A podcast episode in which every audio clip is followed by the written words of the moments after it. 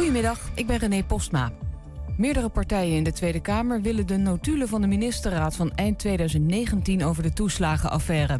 Er werd afgesproken om de fouten van de Belastingdienst niet met de Kamer te delen, terwijl die er wel om had gevraagd, meldt RTL Nieuws. De SP noemt het nieuws explosief en Denk wil een debat. Afgelopen etmaal zijn 343 mensen met corona in het ziekenhuis opgenomen en het zijn er 42 minder dan gisteren. Gisteren was er nog een forse stijging. Bij het RIVM werden de afgelopen dag meer dan 8500 nieuwe besmettingen gemeld, een plus van 1700. Op het station van Gouda zijn twee NS-medewerkers geslagen en eentje op het spoor geduwd. Ze zijn gewond aan hun hoofd en met een ambulance afgevoerd. De daders waren zwartrijders die een trein waren uitgezet. Ze vielen de medewerkers aan toen die hen wilden arresteren. Ze zijn later alsnog gepakt en zitten vast. Partijleiders Klaver van GroenLinks, Ploemen van de PvdA en Marijnissen van de SP hebben nog steeds geen vertrouwen in Mark Rutte, hebben ze gezegd in hun tweede gesprek met informateur Cenk Willink. Ze hebben nog niks gehoord wat het zou kunnen herstellen en blijven benieuwd waar Cenk Willink en Rutte zelf mee komen. Het weer, af en toe zon en het koelt af naar 10 graden. Vanavond en vannacht helder en maar 1 of 2 graden. Morgen iets meer bewolking, droog en opnieuw een graad of 10. En tot zover het ANP-nieuws. Ik, Hendrik Jan Bukkers, mag de winnende bedrijfslogan van de streektaalmond meer bekendmaken. Hij komt van het Kappershuis in Wien. En geeft zo. Het Kappershuis in Wien. Voor het nettere kap- en snoeiwerk halen we het bij ons mooie keunenmerk.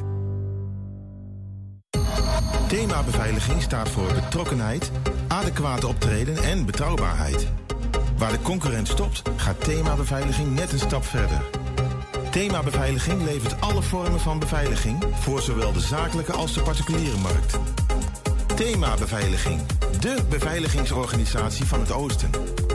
Telefoon 053 4800 560 of stuur uw e-mail naar info@themabeveiliging.nl. 120. Weet wat er speelt in Twente. Iedere dag praten we hierbij over alles wat er in Twente gebeurt. Via radio, tv en online. 120. Het is echt gebeurd. Schalke 04 is uh, gedegradeerd. Enschede Henny ten Verger die held tranen in blauw en wijs. Ja, Magda Nijbijvank timmert aan een voorstelling over niet-moeders op Moederdag. Ze is zo bij ons. Datalekken, hoe erg zijn ze eigenlijk? Wat zit erachter en wat zijn je rechten? En kan dat eigenlijk allemaal zomaar? Jurist Nandini Lachman die schuift strak aan en die schuift, schijnt ons bij. En nog meer voetbal. Een iconische Enschedeze voetbalclub jubileert dit jaar. En FC Twente die organiseert een sentimentele wandeling. Ik mis u. En ik hoor ook uh, Ernesto. Oh, het is uh, woensdag 21 april. Dit is 120 vandaag.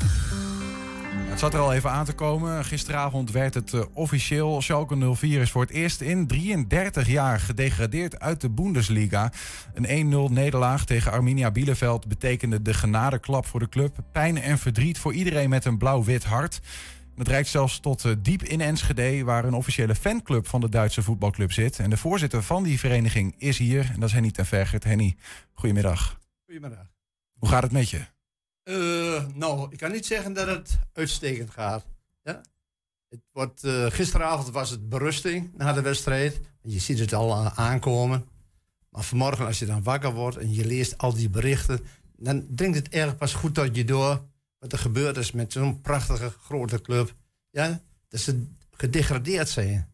Onwaarschijnlijk. Onwaarschijnlijk voor zo'n club met zoveel potentie. En de boel is helemaal in elkaar gesodemieterd, kun je alles wel zeggen. Wanbeleid, ja, slechte aankopen. Onvoorstelbaar wat er is gebeurd. En misschien is het wel goed dat de corona is gekomen. Want nu moet Schalke ook met de billen bloot. Want het kan natuurlijk niet zo zijn dat in de coronatijd in één keer een schuld is ontstaan van 240 miljoen. Dat is natuurlijk onmogelijk.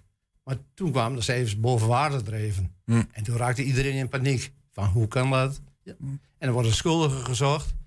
X aantal mensen uit het bestuur, de voorzitter, de verantwoordelijke voor de financiën, de PR-man. Die zijn er allemaal uit. Ook een aantal mensen. En die stel ik ook als hoofdverantwoordelijke neer. Dat is dan de Oostische zoals Nederland, de Raad van Commissarissen. Die mensen, elf mensen, die hebben alles maar, ja, hebben alleen maar ja geknikt tegen het had, het had niet hoeven gebeuren. Nee, absoluut nee, niet. Nee, we komen daar straks vast nog wat verder op uh, over te praten. Ik, ik merk wel echt dat je, dat je geëmotioneerd bent. Is Ja. dit dat zo diep? Ja, ze zit heel diep hoor. Ze zit echt diep. Ja. Ze zeggen wel eens van eenmaal aan Schalke, immer aan Schalke. Maar je groeit er ook helemaal in mee. Hè? Je, je, je, ja, je- je wordt besmet als het ware met het virus. Wel een heel goed virus hoor. Geen kwaadaardig Ja. virus. Maar wat is dat dan? Want, want uiteindelijk, ja, jij merkt ook Schalke-fans eh, die Enschede'ers een hart onder de riem steunen en eh, FC Twente steunen. Eh, wat is dat dat, we, dat je als Enschede'er dan zo begaan bent met die club uit Duitsland? Als Enschede, ik denk dat het ook iets met de historie te maken heeft. Ja, Twente, FC Twente, ja, dus Enschede, textielverleden, arbeidersstad, hard werken, ja, mouwtjes opstropen, zeg maar niet lullen maar poetsen. In Gelsenkirchen, in de Roerport, is het precies hetzelfde. Ook met de mijnarbeiders, ja, dat is hard werken, keihard werken. En een uitlaatklep hebben ze dan als een voetbalclub. Dat is hun ja, zeg maar hun religie. Ja. Ja. daar leven ze naartoe elke, elk weekend. En dat is bij Twente ook. Maar eh, je, je bent een Enschede, je zou ook kunnen zeggen, nou dan word ik gewoon eh, Twente-fan. En dan eh, ga ik eh, daar ieder weekend zitten. Of deed je dat ook? Want je was ieder weekend bij Schalke 04. Ja, ja we gaan eh, ieder weekend met... eh, en, en dat betekent al dat mensen het allemaal leuk vinden bij Schalke. We gaan al 25 jaar praktisch elk, elk weekend met een volle bus naar Gelsenkirchen. En dat loopt echt storm hoor. Dat is onwaarschijnlijk. En dan merk je gewoon de mensen, vooral de mensen die voor het eerst mee zi- zijn geweest... Ja, die worden toch ergens besmet met het blauw-witte virus. Maar is het daar, ja, is, is, is het misschien ja, gewoon gemoedelijk, maar misschien een beetje een gewetensvraag die je niet eens wil beantwoorden. Maar is het daar nog fijner dan in, het, eh, in de Golfsvesten dan? Ja, vind ik wel. Vind ik wel. Je kunt het natuurlijk niet met elkaar vergelijken. Ja, daar kunnen 62.000 mensen in. Maar de, de gemoedelijkheid, Mhm. eh, ja, iedereen loopt daar. En ook het verbindt, iedereen loopt in blauw-wit daar, Ja. in het stadion. Er zijn oudere mensen, zeg maar opa's met de kleinkinderen, die lopen allemaal in het blauw. Iedereen loopt praktisch in een, een blauw-wit shirt, of pak, of sjaal, of pet. Ja. En je wordt er meteen opgevangen. Je hoort er meteen bij als ze merken van, god, je bent nieuw, of zo. Ja, dan, dan, dan gaan ze met je praten en je hoort er meteen bij. Hoe heb je gisteren zitten kijken? Want het stadion, ja, onbegaanbaar hè? Ja, dat is, eh, op zich is het natuurlijk heel waardeloos om te kijken. Ja, je, je bent blij dat je je clubje kunt zien op de televisie. Maar de aandacht die vervloot wel steeds meer. Hè? Hoe langer het duurt zonder publiek te spelen. En gisteren, ja, ja, je denkt de laatste strohalm. Ja, nu gaan ze er toch... Nu komt het besef bij het team van... we moeten alles geven. Ja, en dan zie je ze op het veld lopen... dan spring je echt de tranen in de ogen. Dan denk je, dat kan toch niet waar zijn? Dus de spirit was er al uit. De spieren, het, het is zo. Ja. Maar het, het seizoen duurt ook nog langer, Henny. Je hebt nog een lange eh, Via Dolorosa te gaan dan. Ja, dat is zo. Dat is zo. Maar de spelers. Ja, die, die, die, er zitten een aantal spelers die begrijpen niet wat het betekent dat je zo'n blauw-wit shirt aan mag hebben. Ja? Ja, dat is gewoon. Die komen.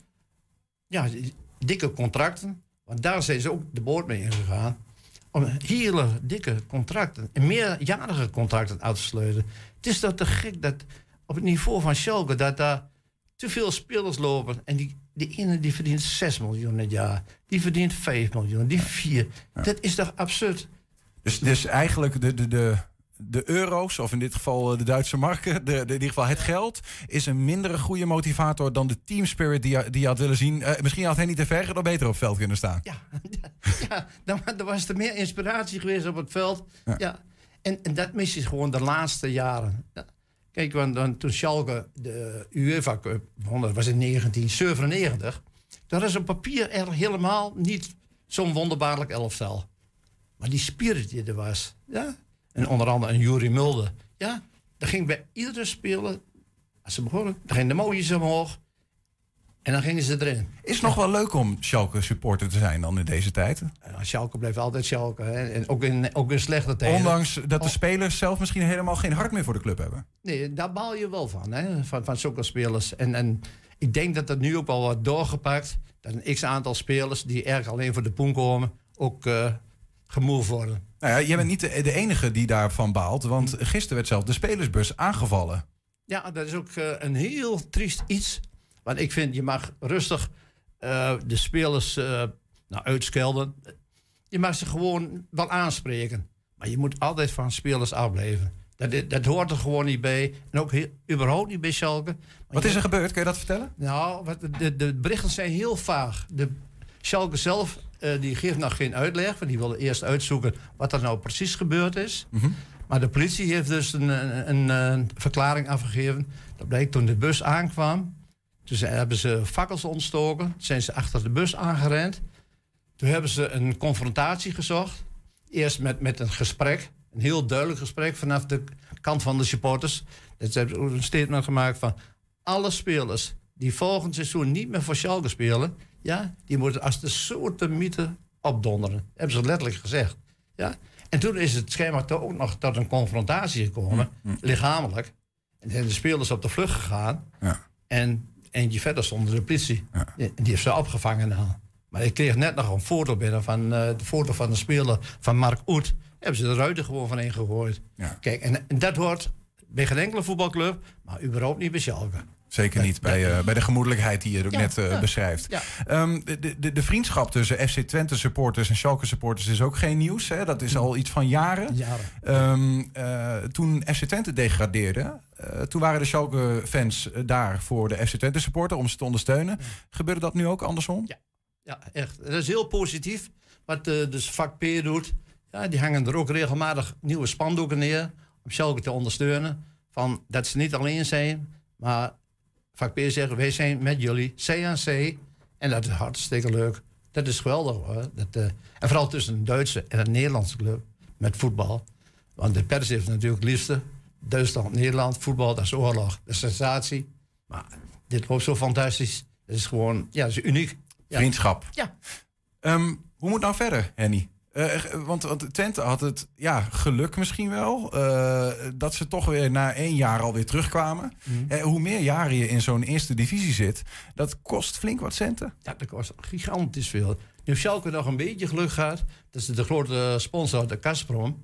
Die heeft het verlengd. Die heeft weer voor een paar jaar verlengd. En die hebben gezegd, ook in de tweede liga bleven we sponsor. Maar het bedrag wordt wel minder. Ja, maar toch nog een behoorlijk bedrag. Mocht je weer promoveren, dan schroeven ze dat bedrag weer op. En ook de Veldins, wat stadion uh, zijn naam naar je vernoemd. Ja, die blijft ook sponsor. Dus dat geluk hebben ze nog wel. Dat ja. ze, maar ze zitten 240 miljoen in de schuld. Dus dat wordt een hele opgave om die spelers eerst proberen de spelers te verkopen. Dan zien dat je nog een beetje geld overhoudt. Want je moet die spelers die onder contract blijven, ja, die moet je wel betalen. Mm -hmm. Dus Jullie houden vertrouwen. Ik hou er absoluut vertrouwen in. Ja, en, ja. Uh, en een Blauw und uit Enschede, die blijft ze steunen. Die blijft ze absoluut steunen hoor. Do door uh, ja. dik und dun. Ja, ja. In een goed Duits. Henny ten Verge, dank uh, voor je komst en heel veel sterkte. Dankjewel. We hebben het nodig, maar we komen er weer bovenop hoor. Echt wel. Zometeen gaan we het hebben over Moederdag, geen Moederdag en theater. Ja, eerst naar Hengelo Spel. De 120 Talkshow die steekt elke maand een thermometer in de Hengeloze samenleving. Gisteravond was het weer zover. Franklin Veldhuis en een andere co-presentator die vaag bij ons bekend is, kunnen we wel zeggen. Uh, die spraken met vijf gasten over vrijheid, gezondheid en vermaak. We begonnen met de bevrijding van Hengelo toen ik hier acht jaar geleden kwam. Ja. En um, toen waren er ook nog een paar bevrijders, een paar zonen van bevrijders. Maar langzaam ja, waren die niet meer daar. Er waren overleden, echtgenotes overleden. Ja. En toen dacht ik, ja, wie gaat dat nou, die bevrijding, overdragen aan de nieuwe generaties? En ik denk, ja, dat moeten toch de kinderen ja. doen.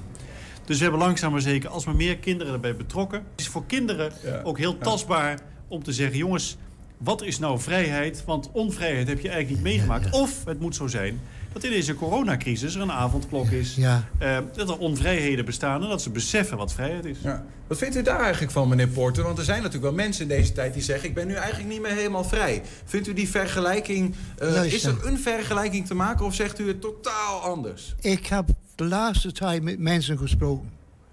Wat denk jij van vrijheid? Wat is vrijheid? Wat is vrijheid? Is geen vrijheid meer hier. Met corona, je mag dat niet doen, je mag dat niet doen, met dat. Ik zeg, ja, wil je ziek worden? Zeg, vrijheid is dat je alles doen kan wat jij wil. Nederland is een mooi, vrij land. Je kan doen wat je wil. Zo dat, hè. Je kan zeggen wat je wil. Je kan vragen wat je wil. Als iemand van hoge hand zegt... nou, ik wil dat, dat, dat, dat... je mag hem wel vragen waarom. We gaan nu praten over de druk op de gezondheidszorg. De huidige situatie, begreep ik, is uh, waar we eerder nog spraken over uh, dat het wat beter ging. Dat het dat toch niet blijkt te zijn uh, met besmettingen en zo. Toch wordt er gesproken over versoepelingen. Nou, jullie staan aan het front op, op de, jullie eigen manier. Maarten Jans, hoe kijk je daar als huisarts naar? Is er die versoepelingen op, op zijn plek? Of denk je van, nou, hou nog eventjes Vast. Ik begrijp het ontzettend goed. Uh, iedereen is het, uh, is het zat eigenlijk, hè, dat, uh, dat de bepaalde dingen niet kunnen. Um, en ik moet zeggen, hier in de regio, als je kijkt naar de, naar de zorgvraag... Ja, merk je toch ook wel weer dat het wat toeneemt, helaas. Um, binnen de proporties dat we, dat het, dat we het goed, goed aankunnen. Um, ja, nou, ik ben blij dat ik niet die, die, die besluiten hoef te nemen. maar als je... Nou, als je daarnaar kijkt, denk van nou, het is goed om voorzichtig te zijn. Mm -hmm. voorzichtig te blijven. En, en, toch zijn jullie denk ik wel de persoon die er soms al worden aangesproken. Hè? Want jullie zijn het gezicht van de zorg, om het zo maar te zeggen. Mevrouw Dijsselbloem, daar vroegen we nog wel af.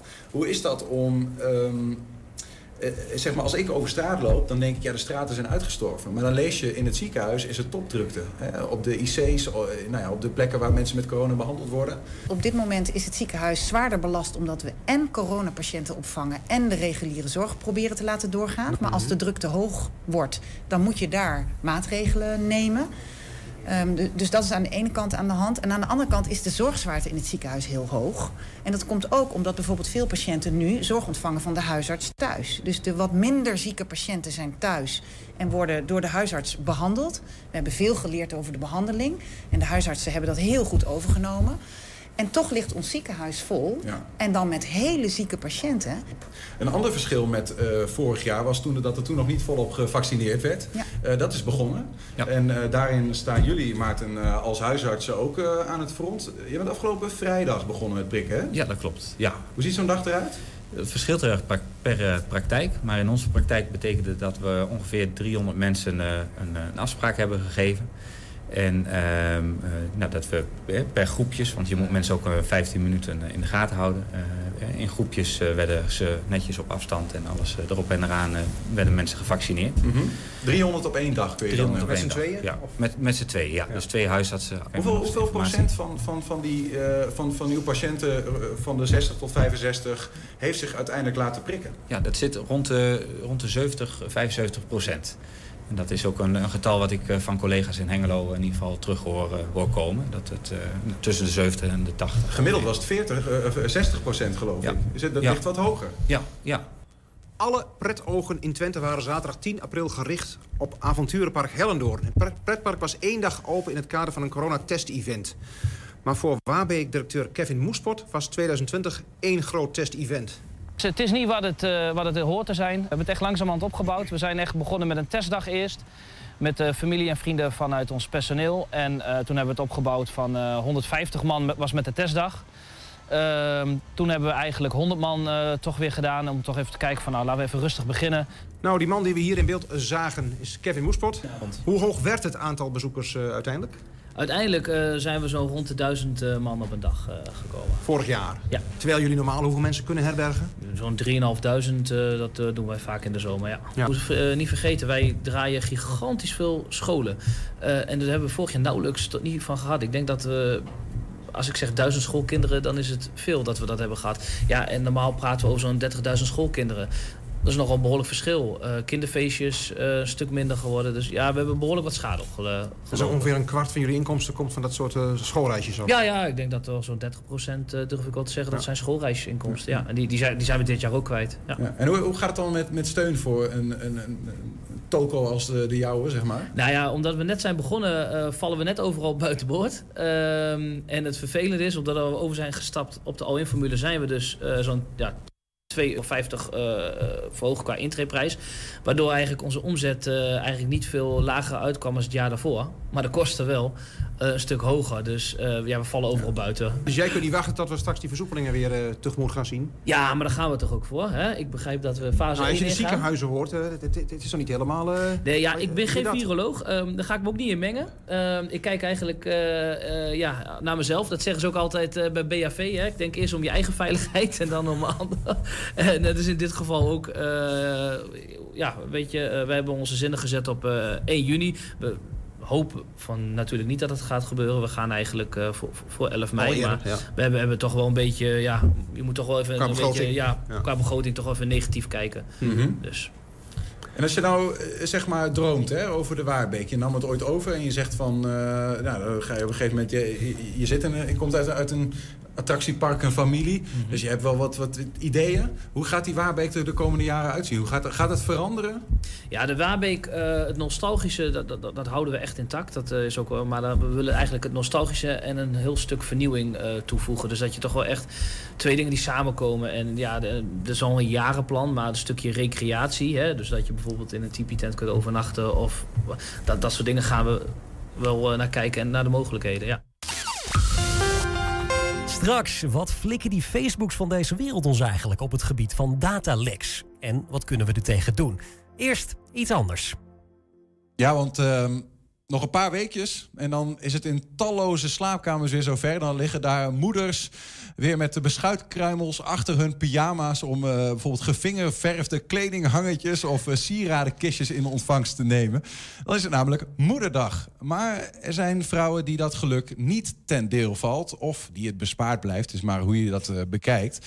Over die laatste categorie is er nu een theatervoorstelling gemaakt... of in de maak. En aan tafel is maakster Magda Nijbijvank...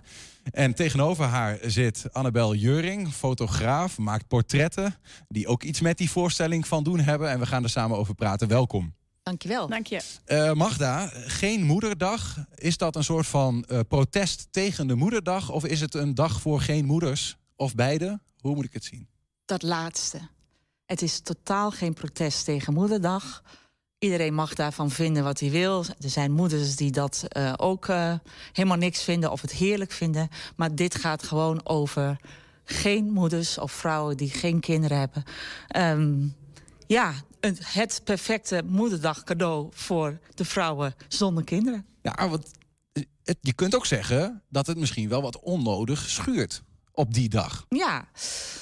Of voor wie? Nou, nou voor, voor, voor beide misschien wel. Hè. Dan laat die moeders nou dan op moederdag lekker moeder zijn. Ja. En, en geeft de andere de niet-moeders hun eigen dag op een ander moment. Maar je hebt gekozen om het echt op die dag te doen. Ja, dat leek mij voor de eerste keer in ieder geval wel een heel mooi uh, statement. Of toch wel even een extraatje. Uh, het schuurt inderdaad voor sommige vrouwen zonder kinderen kan het schuren dat het elk jaar maar weer moederdag is... en dat er vrouwen zijn die gedacht hadden, gewenst hadden ook een kind te krijgen. En om de een of andere reden is dat niet gebeurd, niet gelukt. Er zijn ook vrouwen die het niet wilden.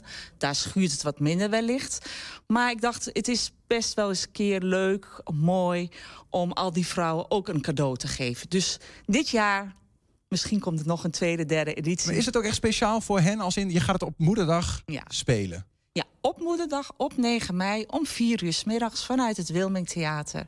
Een live uh, streaming prachtig uh, event. Uh, het cadeau dus voor al die vrouwen die geen moeder zijn geworden. Van vrouwen die het heel graag wilden tot vrouwen die zeggen... ik ben heel blij dat ik ze niet heb. Ja, en alles maken die ertussen zit. Alles wat er tussenin zit. Ja. We komen daar straks ongetwijfeld nog op terug. We hebben een klein audiofragmentje vanuit het programma. Vanuit het mhm. theaterprogramma. Zit in een liedje. moet, moet, je dat nog even aankondigen? Ja, dat is wel fijn. Want ik heb Esther Groeneberg, die zingt dit... en die heeft het ook geschreven, gevraagd om een ode aan de geen moeders te schrijven. En ik heb heel veel input gegeven. Esther is zelf moeder. Ik ben zelf geen moeder. Ik ken heel veel andere vrouwen die ook geen moeder zijn. En ik heb haar input gegeven. En met die input heeft zij een ode geschreven. En het nummer heet Dit zijn wij. En je hoort nu een klein fragmentje. De rest komt later.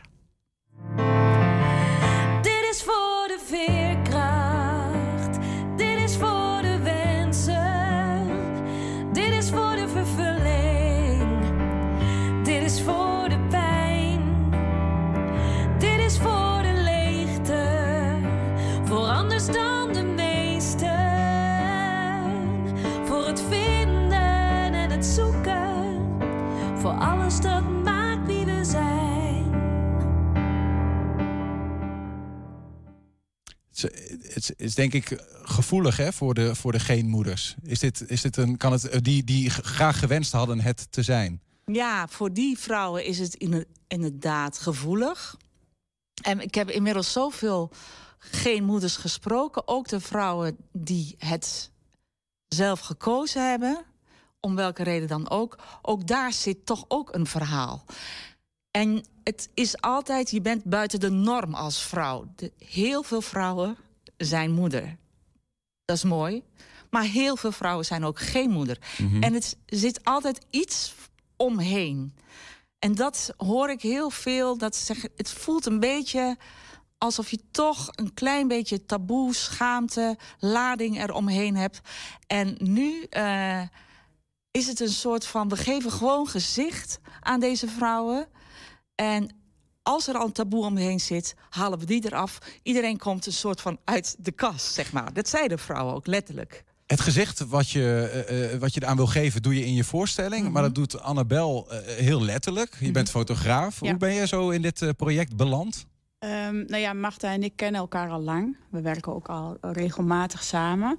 En ja, zij wilde heel graag een eh, gezicht geven aan die vrouwen eh, bij, de, eh, bij het muziekstuk, bij het nummer. En, ehm, nou ja, en zo kwam ze bij mij terecht. En de vraag of ik die portretten wou schieten. Hoeveel portretten heb je gemaakt? Eh, we hebben nu zo'n 30 portretten geschoten, denk ik. Van allemaal geen moeders? Ja. ja. Ja. We hebben er een aantal meegenomen. Een aantal voorbeelden van die portretten. Ik weet niet of we er eentje eh, kunnen zien. Ja, het zijn, het zijn net vrouwen. Het zijn gewoon. Het zijn... het, ik ben heel benieuwd, want het is net. Oh, nee, ik, ik, ik ja, zie het net leuke is natuurlijk. vanuit de techniek dat dat Oh, helaas niet gaat lukken. Nou, dat is jammer, want we hadden er graag even een aantal, eh, Ja. een aantal voorbij zien komen. Ehm, maar Annabel, dan kun je misschien eh, eh, ons wel even meenemen in nou ja, een aantal bijzondere portretten die je hebt gemaakt. Want je, ik neem aan dat je dan ook met die mensen praat. Op Ja. welke manier gaat dat dan eigenlijk? Ehm, nou ja, ze komen bij me binnen in de studio. En Magda is er ook bij. En een visagist. Want je wilt toch... ehm, het, is, het is voor die vrouwen, als ze dan eigenlijk binnenkomen... is het vaak best een beetje beladen. Niet voor iedereen, maar voor sommigen wel. En dan, ehm, ja, dan maak je even een praatje. En ehm, ehm, bijna iedereen wil wel heel graag eh, zijn verhaal doen. Of haar verhaal doen. En ja, ze, ze voelen zich echt gezien. En dat is eigenlijk best wel nieuw. Dat ze zich daarin gekend en gezien voelen. En nou ja, dan gaan ze even naar de visagie. Dus je, ze worden ook echt een beetje vertroeteld. Het is, e- wat, wat Magda zegt klopt. Het is echt, de shoot is eigenlijk ook al een beetje een cadeau. En ehm, nou ja, vervolgens dan zijn ze klaar. En dan gaan ze bij mij ehm, eh, voor de camera zitten. En dan hebben ze eigenlijk hun verhaal al gedaan. Is er heel veel lading afgevallen. En dan heb je een heel mooi, eerlijk ontwapenend portret. En ehm, nou ja, dat, dat zijn hele mooie, eerlijke portretten. En is dat dan gewoon een foto zoals, ja, eh, misschien een fotograaf die ook van mij zou maken? Of, of hoe kijk je als nee, nee. fotograaf, hoe kijk je naar die vrouwen en hoe leg je nou dat, ja, misschien die unieke eigenschappen die ze hebben, ook als niet-moeder, vast? Ehm, nou ja, weet je, je, je, je, ik fotografeer gewoon echt de vrouw die ik voor me zie. En niet zozeer ehm, ehm, de niet-moeder. Mhm. Gewoon echt de vrouw in al haar facetten. En nou ja, in, in deze serie is dat natuurlijk een wezenlijk onderdeel.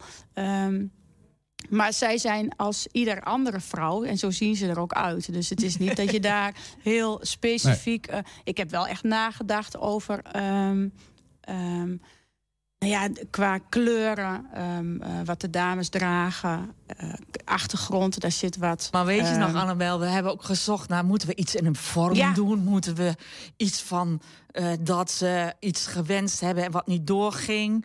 Maar Ja. toen dachten we, nee, maar het gaat over alle vrouwen. Sommigen hebben die wens niet gehad. En we willen het niet inkleuren, want het is voor ieder weer anders. Maar de vrouwen die Annabel gefotografeerd heeft, zijn dat vrouwen die ooit wel de wens hadden, maar waarbij het niet is gelukt? Of zijn het ook gewoon me- mensen, eh, moeders die, of vrouwen die heel bewust niet moeder zijn geworden? Van beide, van alles. Van beide. Ja, Ja. van beide. Dus iedereen, ik heb een oproep geplaatst. We hebben een oproep geplaatst. Alle vrouwen zonder kinderen, kom als je wil voor een portret, voor de clip van wij, dit zijn wij. Dit- Dat is de clip van het nummer wat Ja, we net, exact, net hoorden. exact. En heb je verder dan nog iets met die verhalen? Want neem aan dat je de- die vrouwen, de verhalen kent. Misschien wel meer, veel meer vrouwen hebben gesproken. Hoe verwerk je die, die verhalen? in je voorstelling? Precies. Eh, nou, ik heb, voordat ik dit ging doen, heb ik al meerdere vrouwen benaderd die ik graag in mijn programma wil. Dus, dat, dus ik heb al een aantal vrouwen in het programma. Maar doordat we deze gesprek hadden, ontstonden er weer nieuwe, fantastische vrouwen die ik nog niet kende. En die ik alsnog ga uitnodigen in het programma. Omdat ze.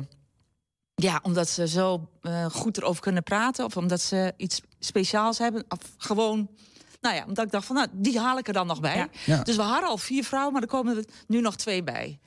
Ja, en, en wat ik nog wel wil zeggen, de, gaandeweg blijkt het ehm, project eigenlijk nog bijzonderder dan we eigenlijk al eh, vermoeden.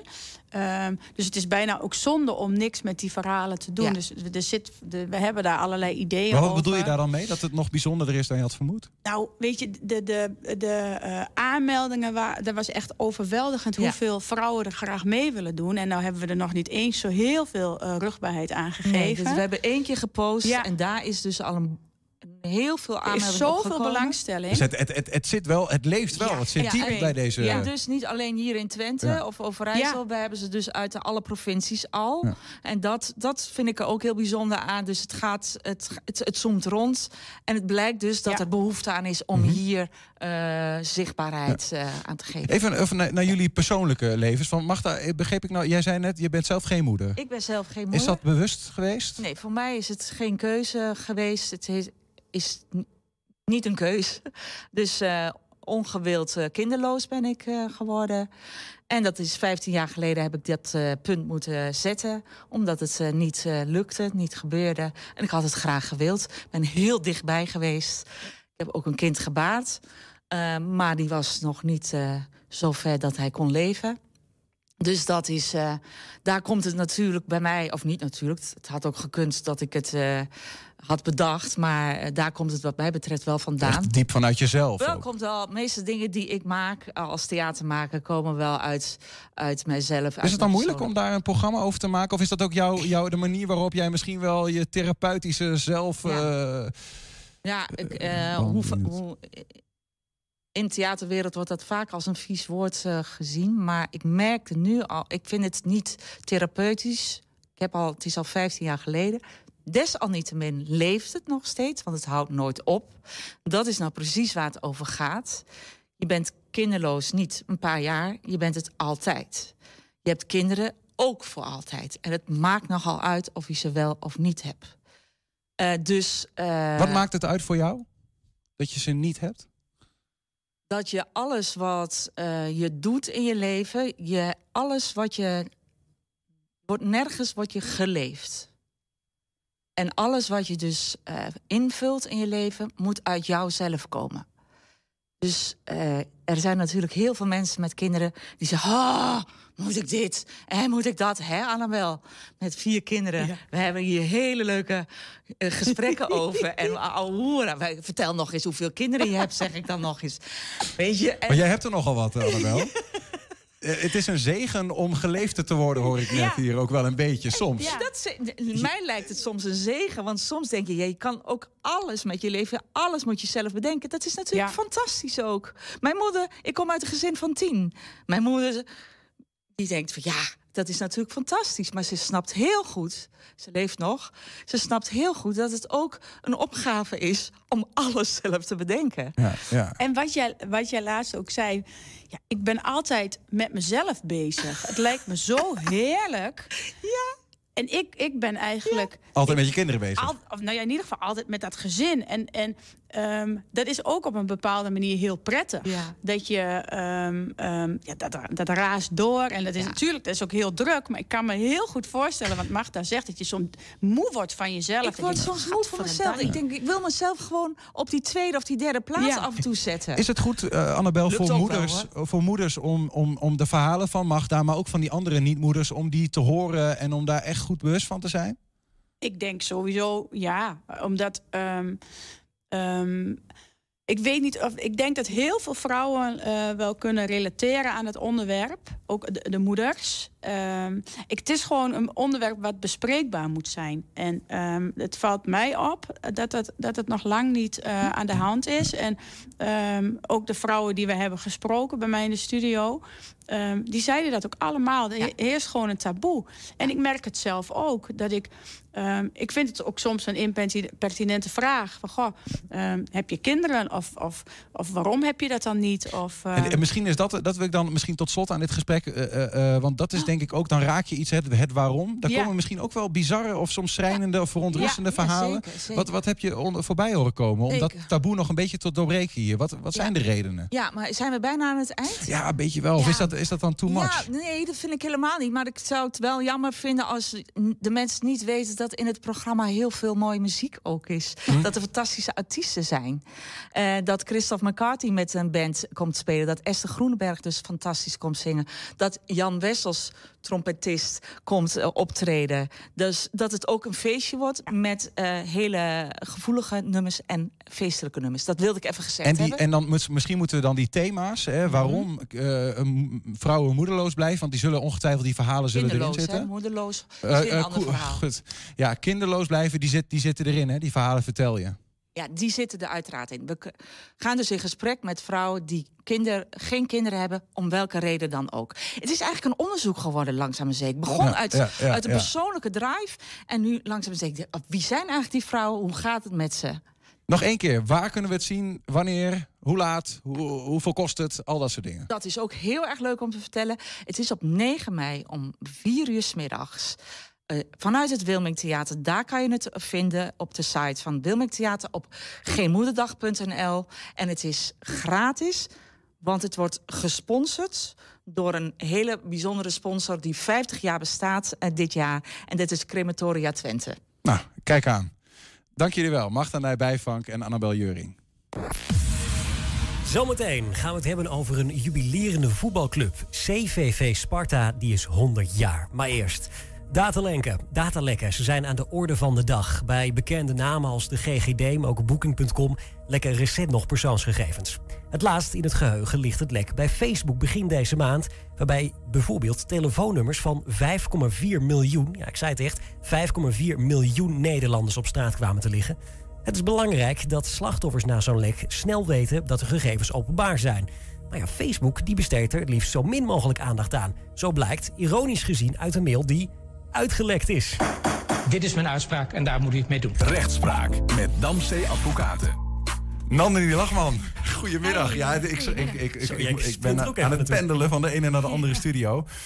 Ehm, ik ga heel even wat schuiven in mijn draaiboek. Want eh, ik wilde toe naar een, een, een mail of een, een berichtje dat ik zag van RTL Nieuws. Eh, eh, nog geen 24 uur oud. Ze schrijven dat in die uitgelekte mail van Facebook naar hun Europese PR-medewerkers, waar Ernesto het al even over had, de PR-strategie van het bedrijf staat beschreven.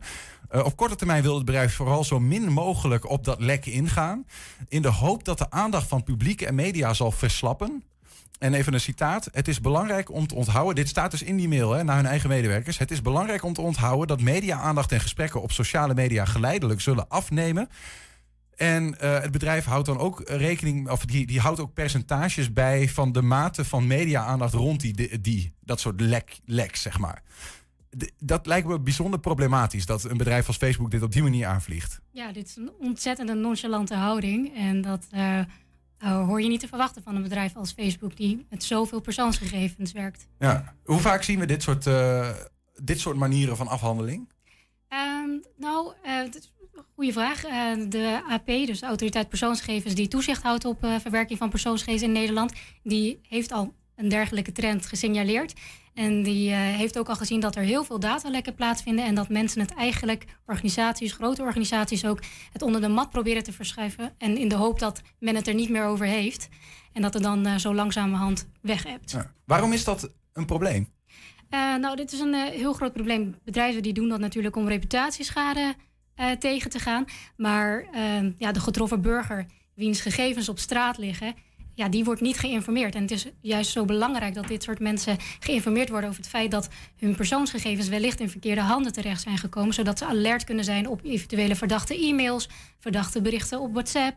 En dat ze Maar wat, daar- wat kan er bijvoorbeeld gebeuren? Hè? Mijn, mijn eh, telefoonnummer stond op Facebook. Dat kan echt heel goed eh, het geval zijn hè, als je bij die 5,4 miljoen zit. Ehm, wat gebeurt er dan met mijn telefoonnummer? Wat waar wordt die voor gebruikt? Ja, dat kan voor verschillende doeleinden worden gebruikt. Een van de bekende fraudes die we nu vandaag de dag heel veel zien is de WhatsApp-fraude. Dan krijg je een eh, berichtje van iemand, eh, een bekende van jou, en die is dan in geldnood. En dan wordt eh, aan jou het verzoek toegestuurd om geld over te maken. En ehm, heel veel mensen die trappen daarin, klikken op het linkje en maken dan ook geld over. En dat komt dan in handen van een crimineel. Ja, ja. Facebook hebben we genoemd. Er was ook iets bij allekabels.nl onlangs. Wat is daar gebeurd? Klopt, ja, daar zijn eh, gegevens eh, ja, daadwerkelijk gestolen. Waarschijnlijk door een ex-medewerker van allekabels.nl. Die eh, heeft de beveiliging weten te omzeilen en die heeft een heleboel gegevens eh, gestolen en verkocht. Ehm, ja, en heel veel ja, slachtoffers zijn daarmee gevallen. Want persoonsgegevens van heel veel mensen die zijn daadwerkelijk verkocht. En hoe is het bedrijf daarmee omgegaan? Nou, het bedrijf is eigenlijk een beetje op dezelfde nonchalante houding als Facebook te werk gegaan. Zij hebben slechts 5000 mensen geïnformeerd, hoewel de lek veel groter was. En eh, de, mensen die zij gelekt, eh, de mensen die zij hebben geïnformeerd, ja, daar konden ze niet omheen, omdat dat unieke e-mailadressen waren. En het was evident dat eh de afkomstig is van allekabels.nl. Want dat waren mensen die dan een eigen domeinnaam hadden en dan een allekabels, at, de domeinnaam, eh, hadden geregistreerd op de website. En als zij dan daarop een e-mail ontvangen van een spammail of iets dergelijks, dan eh, is het duidelijk waar de lek is geweest. En dat is allekabels.nl. En allekabels.nl heeft alleen die mensen geïnformeerd. Eh, en alle andere eh, slachtoffers die zijn dus niet geïnformeerd. Nee. Wat zouden ondernemers eigenlijk moeten doen? Wat, wat zou de beste weg zijn? Ehm, nou, op grond van de AVG, dat is de privacywet, worden een paar regels voorgeschreven. Eén daarvan is dat je de ehm, AP, de autoriteit persoonsgegevens, inlicht. En dat moet binnen 42 uur. Dus je hebt nog wel even tijd om de lek eh, nader te onderzoeken. Om te kijken ehm, ja, hoe groot de schade nu is.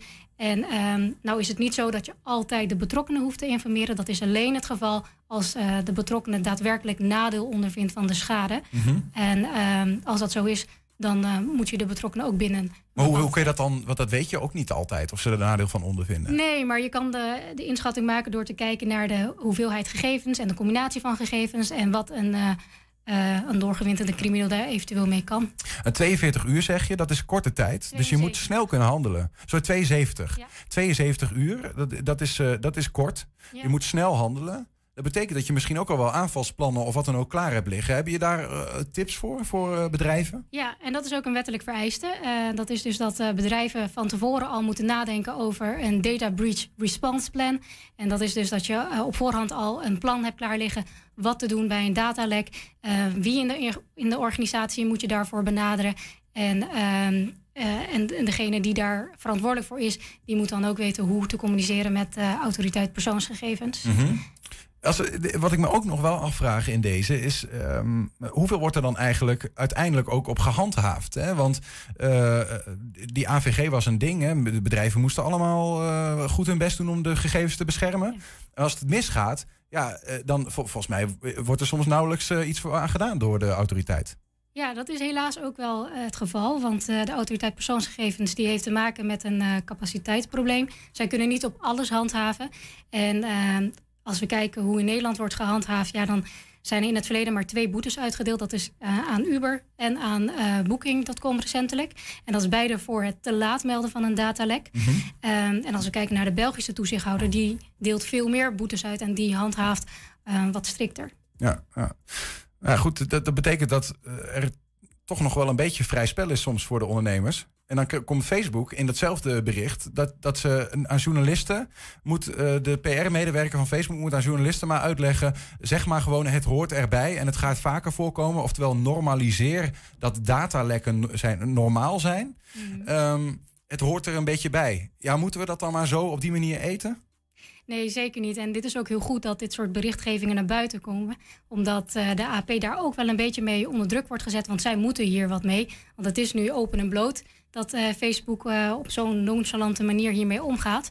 En de AP, althans de Ierse autoriteit, heeft al aangegeven dat zij eh, eh, nader onderzoek gaan doen naar Facebook. Want daar is Facebook ook gevestigd in Ierland.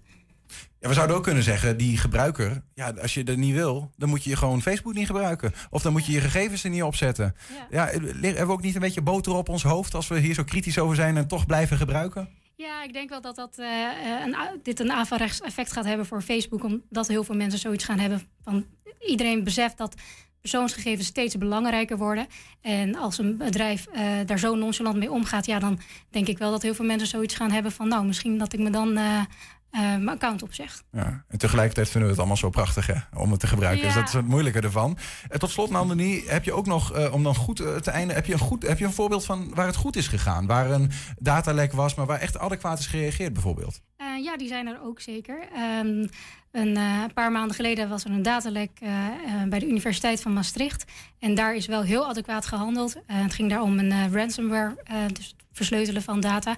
Ehm, eh, de Universiteit van Maastricht heeft toen netjes betaald. En dat was eh, voor heel veel mensen een verrassing. Want daarmee kom je eigenlijk de criminelen tegemoet. Doe je exact wat de criminelen van je verlangen.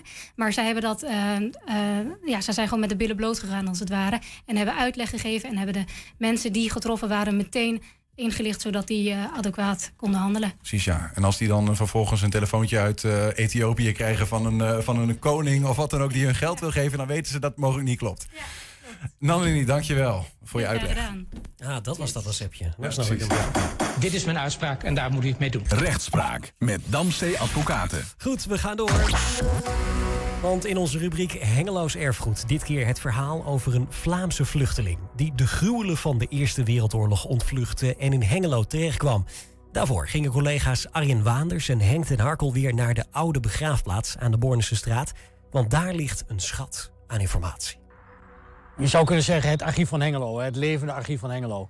Zo ongelooflijk veel verhalen wat, eh, die, van mensen die hier liggen. Hier liggen de stichters van Hengelo, hier ligt eh, de mensen die wat betekend hebben. De eerste burgemeester van Hengelo.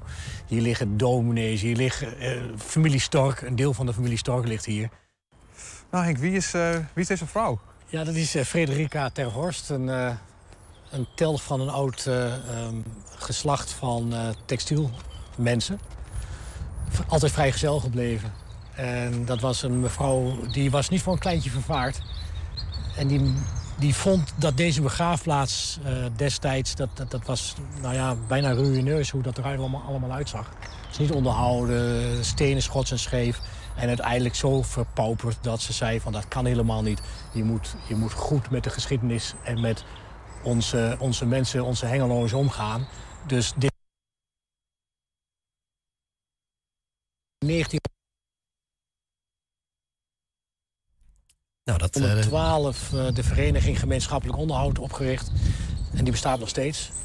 En eh, nou ja, 100, 100 jaar later vroegen ze mij om dat boek te schrijven daar, daarover.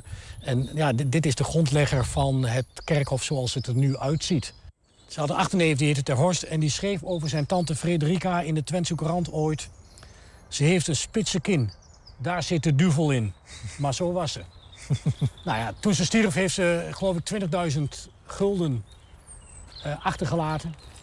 En ja, daar, daarmee konden ze een mooie startkapitaal om dit, eh, om dit fantastische kerkhof weer eh, een beetje grandeur te geven. Ja.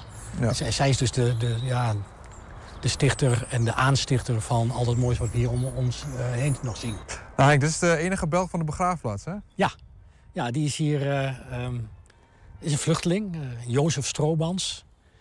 Die kwam hier met zijn vrouw Johanna en zijn kind eh, deze kant op. Ehm, hij, heeft de oorlog niet afgewacht, want zijn lichting zou opgeroepen worden in 1914 om tegen de Duitsers te vechten. Nou, hij dacht van, dat gaat mij niet gebeuren. Dus eh, de in Leuven woonachtige Stroobans dacht... ik eh, maak zo snel mogelijk dat ik wegkom. Geen grens over, kwam in Hengelo terecht uiteindelijk. Later zijn er, heeft elke stad zo'n 400 tot 500 Belgen gehad om op te vangen. Omdat er eigenlijk miljoenen Belgen uit eh, in 1914 de, het land ontvluchten... omdat de Duitsers eh, korte metten maakten met België eh, destijds... en er ongelooflijk veel gesneuveld zijn in die tijd. Nou, Jozef die kwam deze kant. Hij was van beroep Kuiper. Dus hij maakte kuipen. En dat, nou in België was dat natuurlijk een beroep... omdat daar heel veel bierbrouwerijen waren. Nou, hier was er ook eentje. Ehm, ik weet niet helemaal precies of hij daar aan het werk is gekomen. Maar feit is dat hij hier binnenkwam En dat het eh, toen nog kon dat hij, eh, dat, dat hij een woning kreeg. Eerst, eh, hij woonde aan de Lange Maatweg. Heeft ook even aan de markt gewoond. Ehm, uiteindelijk is deze man met zijn vrouw even aan het werk gekomen. Is gestorven. Doordat hij ziek is geworden. En wat er in de annalen van Hengelo staat... dat er het, eh, een ongewoon grote menigte mensen waren... die, eh, ehm, zijn laatste, die, die met hem zijn laatste rustplaats eh, bezochten. Er schijnen er ongeveer 250 geweest te zijn. Belgen en Nederlanders die met z'n allen Jozef Stroobans hebben begraven. Ja, en als kers op de taart, zometeen, even totaal iets anders, een impressie van de Ik Missoe-wandeling. Dan hebben we natuurlijk over FC Twente. Eerst een andere voetbalclub die zijn leden mist op een hele bijzondere dag. Ja, dat kun je wel zeggen. En eh, we gaan met die club toch op een bescheiden manier hier proberen een klein feestje te vieren. Want de voetbalclub Sparta uit Enschede bestaat vandaag precies 100 jaar. Ik praat met verenigingsmanager Tom van Veen en met jubileumcommissielid eh, Hans Haverman over de club, over de geschiedenis en ook over een feestjaar in coronatijd. Dat is toch anders dan het misschien eh, gewenst eh, was. Maar beide allereerst welkom en gefeliciteerd, heren. Dankjewel. Wat een mijlpaal, Tom. Ja, geweldig. Ja. En eh, ja, we zien er ook met, met trots op terug en eh, met trots ook op vooruit. Eh, maar ja, jammer genoeg corona. En dat beperkt toch eh, de feestvreugde enigszins. Maar we hebben er vandaag heel veel aan kunnen doen. En met name dankzij de jubileumcommissie waar Hans deel van uitmaakt... Eh, prachtige mooie activiteit neergezet. Hans, vertel eens, want eh, ja, er, er loopt, er ligt een jaar voor jullie waarin van alles had moeten gebeuren. Er gebeurt is van wat alles. teruggeschaald, maar vandaag is er wel een en ander gebeurd, hè? We hebben vandaag de aftrap gehad. En we hebben dus ook gepland dat het eh, jubileumjaar tot 21 april volgend jaar loopt. Dus we hebben ook een jaar tijd om alle festiviteiten eh, eh, uit te voeren. En vandaag hebben we met de jeugd een geweldig mooi groot spandoek uitgerold op de middencirkel. Zoals ze bij FC Twente ook altijd doen voor een wedstrijd. We hebben daar wat beelden van, geloof ik. Dan kunnen we even van. kijken Dat hoe zijn. dat eruit zag. Kijk, we hebben een geweldige Praat ons even doorheen. versierd. Met allemaal zwart-witte ballonnen. Dat zijn de kleuren van Sparta. Daar staan leden van de jubileumcommissie. En we hebben allemaal heliumballonnen. Die mogen we niet oplaten, dus die hebben we op het veld neergezet. Dit is het grote doek wat op het middenterrein ligt. Wat straks met de jeugd, daar komt de jeugd aan met de vlaggetjes. De jeugd die normaal aan het trainen is ook eh, op eh, woensdagmiddag. En die gaan daar allemaal om die eh, vlag heen staan. En dat is net zoals bij Twente, daar wordt mee gewapperd. En we hebben er filmpjes van gemaakt met drones vanuit de lucht. En filmpjes vanuit de grond.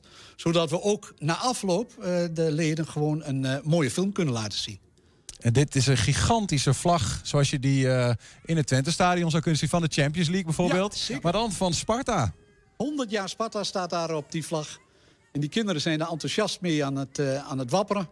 Ze kregen na afloop allemaal een, een zak mee met 100 jaar Sparta erop... waar de voetbalschoenen in kunnen. En nog wat andere eten en drinken erin. En wat mooie, mooie dingen erin. Dus eh, ja, dat is een mooie aftrap voor ons. De jeugd heeft eh, de toekomst, daar komen we dan vast ook zo meteen nog wel op. Eh, we gaan ook nog even verder praten zo over wat dit jubileumjaar dan nog wel in petto eh, heeft. Maar toch ook 100 jaar Sparta, dan moeten we het ook hebben over de geschiedenis. Ehm, Tom van Veen, eh, je was er zelf volgens mij niet bij, hè? Ik was er zeker niet bij, dus ik denk dat als je echt het historische perspectief moet hebben... kijk toch naar de overkant, dan moet Hans even het woord Ja, voeren. maar volgens mij heeft Hans ook de 100 nog niet in de pocket. Nee, ik heb de 100 niet in de po- pocket. Ik heb eh, van 1960 tot 75 bij Sparta gevoetbald. En ben dus nu weer betrokken bij de jubileumcommissie. Omdat mijn broer al 54 jaar lid is daarvan. En mijn vader eh, eh, bij het eh, eh, 80-jarig bestaan en nog eh, eh, mee heeft geholpen. Ook in de Je jubileumcommissie. vader was ook nog een Spartaan. Mijn vader is voor de oorlog eh, kampioen van Nederland geweest. Toen was Sparta drie keer kampioen van Nederland. En van een van die lichtingen heeft zeker een van die lichtingen mijn vader meegedaan. Ja, ja. Dus dat, eh, dat is echt een historie. En toen eh, Sparta is ooit begonnen zonder veld in 1921. Eh, met eh, een paar mensen die dat op hebben gericht. Zonder veld, Zonder lastig veld voetballen. Nou, de eerste wedstrijd was tegen Eilemark. Die hebben we weliswaar verloren, maar dat was op eh, 24 april eh, 1921. Tenminste, de eerste wedstrijd na de oprichting. Mhm.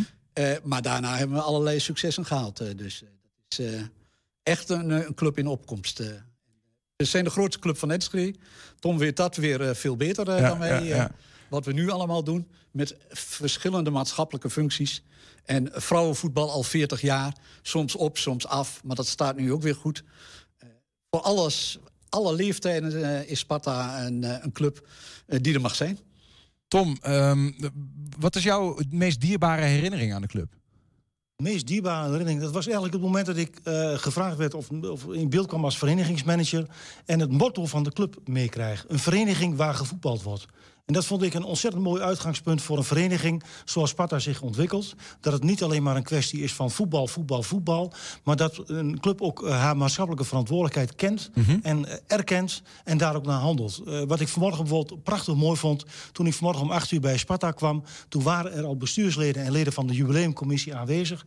Om op dat moment op pad te gaan met allerlei taarten. Dus niet alleen die grote taart waar je mogelijk een foto van hebt, maar ook allerlei kleine taartjes. Die gebracht werden naar ereleden en en naar leden van de businessclub en sponsoren. Denk van nou, dat vind ik dus echt iets van Sparta. Dat niet alleen gedacht wordt aan het eerste elftal of aan het meest succesrijke, maar ook nadrukkelijk ieder lid telt Dat mee. maatschappelijke aspect is heel belangrijk. Heel belangrijk. Zat dat er ook al vanaf het begin in, vanaf 1921? Eh, ik denk dat het wel een beetje in de, in de, in de, in de genen van de club zit. Eh, als christelijke voetbalvereniging, als uitgangspunt normen en waarden hoog in het vaandel. Eh, het ontwikkelen tot een maatschappelijk ondernemende vereniging. Dat is denk ik iets van de laatste jaren. Dat zie je ook bij meerdere clubs in Enschede of in de, in de, in de landen. En daarin gaat Sparta zeker voorop. Normen en waarden. Dat vind ik interessant dat je dat zegt. Want die hoorde ik ook terug in een video die jullie hebben gemaakt. Ook als jubileumcommissie. Eh, laten we daar even naar kijken. 100 jaar Sparta.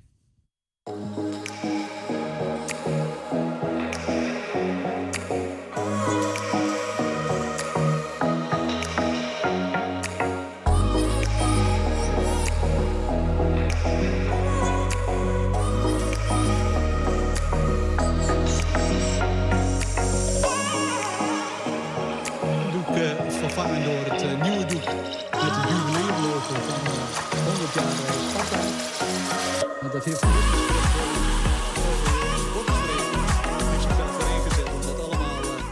Als je nou naar jou persoonlijk kijkt, wat is nou jouw mooiste herinnering van Sparta in de afgelopen jaren? natuurlijk heel veel mensen leren kennen. We hebben mooie uitstapjes gemaakt. Ik denk, eh, we zijn nu eh, in het jaar dat eh, Sparta 100 jaar bestaat. is voor mij als voorzitter zijnde van de supportersvereniging... eh, het 25-jarig bestaan van de supportersvereniging Nieuwe Stijl. Dat is een redelijk recente herinnering. In 2008 zijn we kampioen geworden met het derde elftal. Eh, wat niemand verwacht had. En eh, nou, vooral het feestje daarna was, eh, was zeer geslaagd, moet ik zeggen.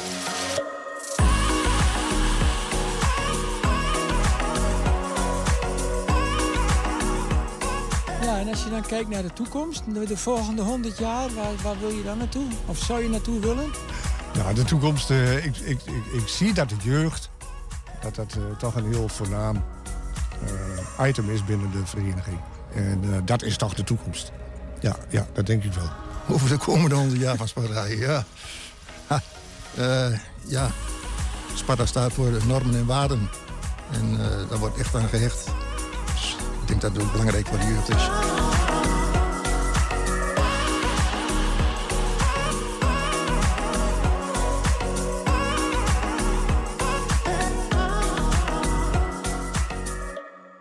Terugkomen. Eh, is, is dat ook iets waar extra zeg maar, bij Sparta de focus dan op ligt? Bij, bij, bij de trainingen en zo? Ja, ik denk dat eh, Sparta in al zijn geledingen van jeugdcommissie tot, eh, tot bestuur eh, nadrukkelijk kijkt van hoe verlopen de wedstrijden, hoe verlopen de trainingen, welke vrijwilligers zetten we in, welke trainers stellen we aan. Dat- daar wordt altijd op een zorgvuldige manier mee omgegaan. En op het moment dat er daar, of het, wat ook bij Sparta gebeurt wel eens wat, op het moment dat daar zaken in, over, in overtreding zijn, wordt daar onmiddellijk op ingegrepen. En wordt er onmiddellijk gekeken hoe we dat kunnen verbeteren of kunnen voorkomen. Hans, ehm, het jubileumjaar dat eraan komt. Ja, dat wordt eh, een feestjaar, daar gaan we vanuit. Ondanks alle coronamaatregelen waar we nu mee gestart zijn. Aanstaande zaterdag is er een 100 jaar pubquiz Sparta. Toch niet iedereen- 100 jaar lang, hè? Dat wordt heel niet lang. 100 jaar lang, maar wel met vragen uit Oh ja. het verleden en ook met vragen uit het heden. Waar iedereen aan, eh, aan mee kan doen. eh, en ook muziekvragen en andere vragen erbij. Dus dat zie je allemaal op de website. Verder zijn we bezig met eh, een wedstrijd tegen eh, FC Twente, een jubileumwedstrijd. Kijken hoe we daarmee komen. En alle activiteiten voor alle geledingen in Sparta, die staan allemaal gepland. Zowel voor de senioren als voor de pupillen. eh, als voor de zeg maar jeugd van eh, 10 tot 20 jaar. Een feestavond aan het eind.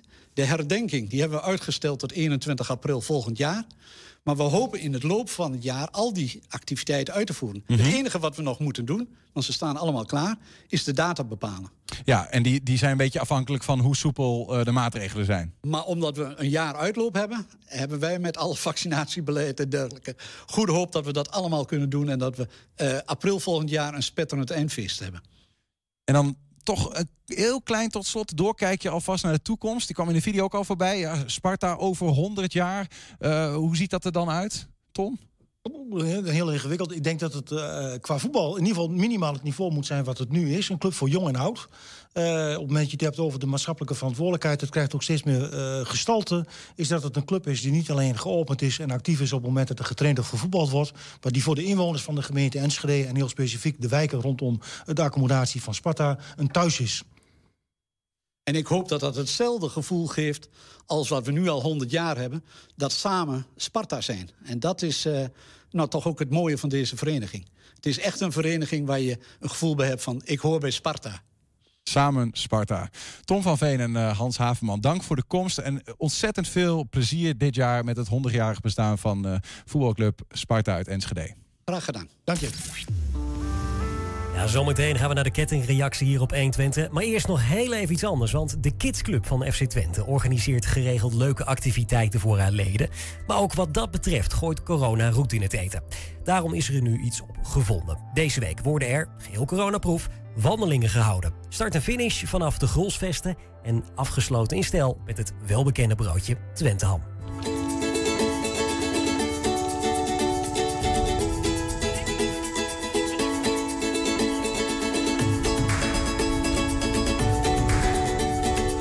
Wij eh, organiseren een Ik Mis wandeling voor in totaal 750 supporters. Verdeeld over drie edities. Eh, vandaag is de tweede editie. Ehm, ja, de activiteit was eigenlijk gelijk eh, uitverkocht binnen één dag. Dus hartstikke mooi. Ja, supporters die, ja, die missen ook wel echt, echt de goalsvesten, dat merk je ook. En ja, vandaar ook deze activiteit, zodat ze toch eventjes hier kunnen zijn. Toch weer even de beleving weer met, met het stadion. En ja, ook voor, voor onze kidsclubleden ehm, ja, hebben deze activiteit bedacht. Omdat we zo lang niks konden doen. Eh, de kidsclubleden zijn ook gratis. En iedereen die meedoet, eh, die krijgt een mooie You Never Walk Alone goodie bag mee. En eh, dan gaan ze op pad.